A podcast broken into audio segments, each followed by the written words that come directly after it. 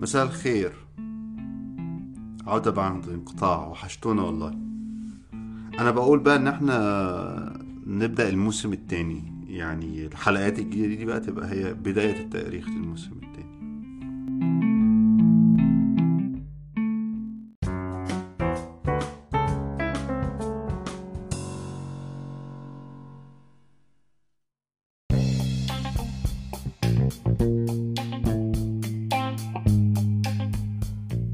هلو هلو أهلا بيكم في حلقة جديدة من البودكاست عشوائي مع أحمد. أول وآخر بودكاست عربي مخصص للكبار فقط بودكاست عن الكتب الفن السياسة التاريخ الأحلام الجنس الخوف والغضب وكل المشاعر والأفكار اللي بنحطها تحت السرير جوه الصندوق وبره الصندوق. أنا بقدم البودكاست ده بشكل مستقل بعيدا عن أي دعم من أي مؤسسة أو منصة وعشان البودكاست ده يفضل مستقل محتاج دعمكم تقدروا من خلال موقع أنكر باشتراك شهري بسيط جدا تدعموا المحتوى اللي بتسمعوه ده أو على موقع باترون هتلاقوا حساباتي ولينكاتي لو أي حد حابب يدعم ما نقدمه في عشوائي مع أحمد. بروم يلا على الحلقة الجديدة أوام ووحشتوني.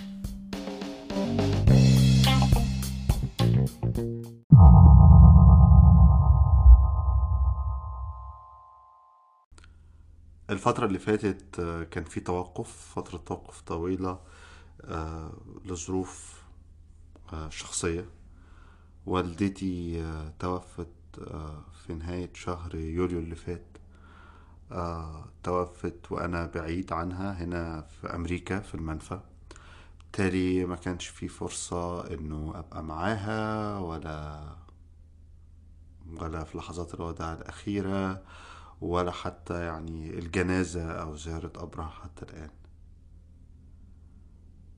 آه، ووضع آه، صعب بس أعتقد آه، بيعيشوا مر بيه وبيمر بيه وهيمر بيه الكثير من المصريين المنفيين ومن ناس من دول كتير في العالم والله. يعني الواحد لما بيشوف مقاسي ناس تانيين بتصعب وتهون عليه بلوته.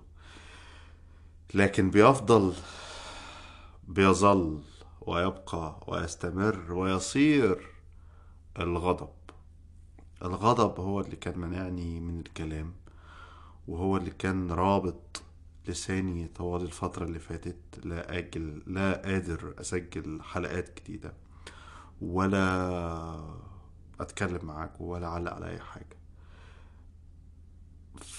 من فترة كنت في event هنا ندوة قراية. في كاتبة لسه بتعرف عليها African American هي بس آه، عظيمة اسمها جوما. و هنا عموما أصلا الكتاب آه، آه، آه، عندهم طريقة عجيبة كده في, في, بداية الحوار أو الحديث معاك.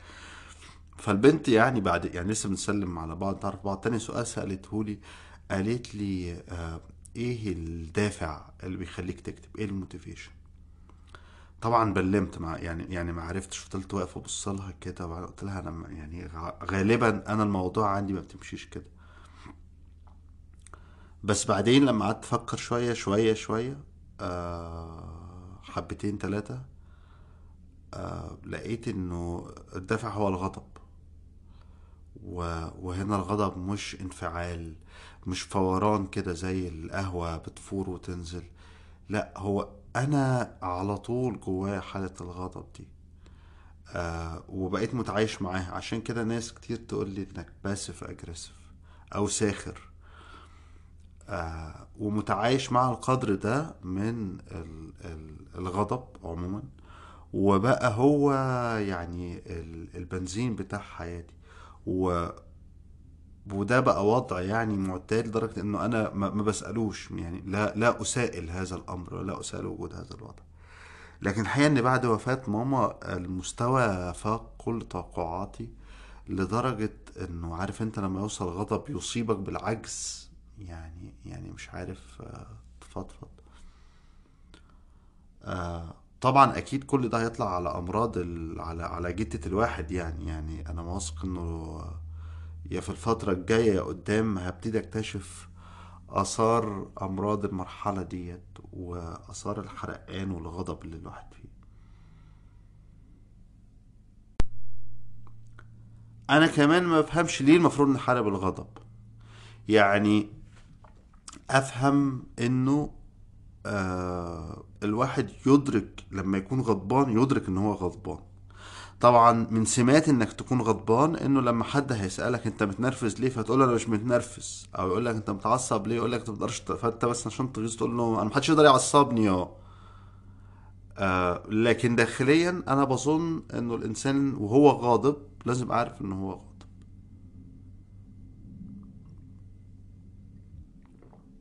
عفوا بشرب قهوة. هنا برضو نقطة مهمة جدا إن أنا غاضب بس وأنا غاضب قادر برضو إن أنا أشرب قهوة لأنك لازم وأنت غاضب لازم تاكل لازم تشرب. بص دي مثلا ده بق مية.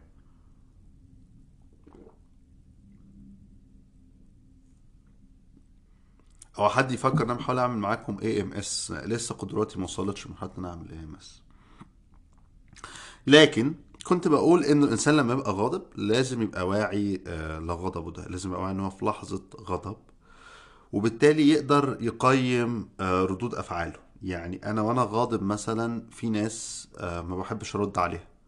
تمام؟ لأنه عارف إن أنا هتنرفز وممكن أطلع حاجات وحشة.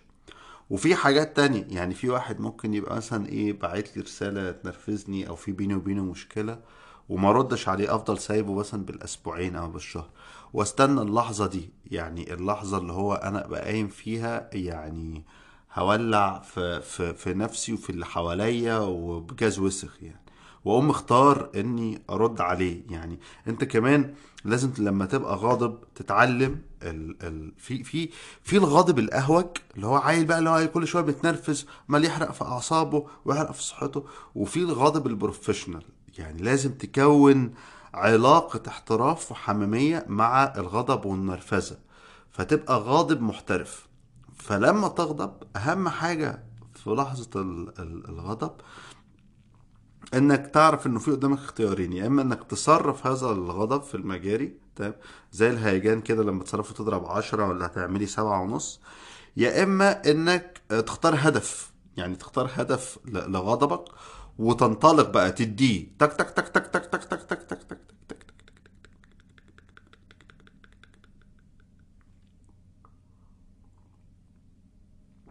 يا اما انك تصرف غضبك يعني بقى إيه التكنيكات بقى اللي بيقولك عليها الحكماء و...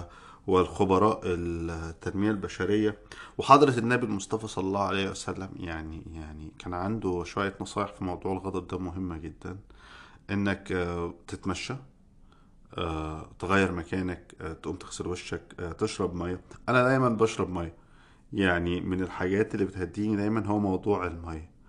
الحركات بقى إيه بتاعت السجاير والقهوة أنا بحس إن ديت جزء من الديكوريشن بتاع الغضب. يعني لو أنت بقى عايز تكمل في حالة الهجوم والغضب فتمشي آه، في السكة دي. أو آه، تستنى. تستنى لحد ما الغضب يفضل ياكل جواك يعني ياكل حتت منك حتت ملونة كده يسودها. تفضل تربي السواد جواك تربي السواد جواك لحد ما هوب تقوم في يوم كده بمنتهى الشجاعة والحماس زي كده ده النهاردة وتقول أنا هرجع البودكاست وهسجل أول حلقة بودكاست في الموسم الجديد. أهلا بكم مرة تانية. في الموسم التاني من عشوائي مع أحمد. تترترا!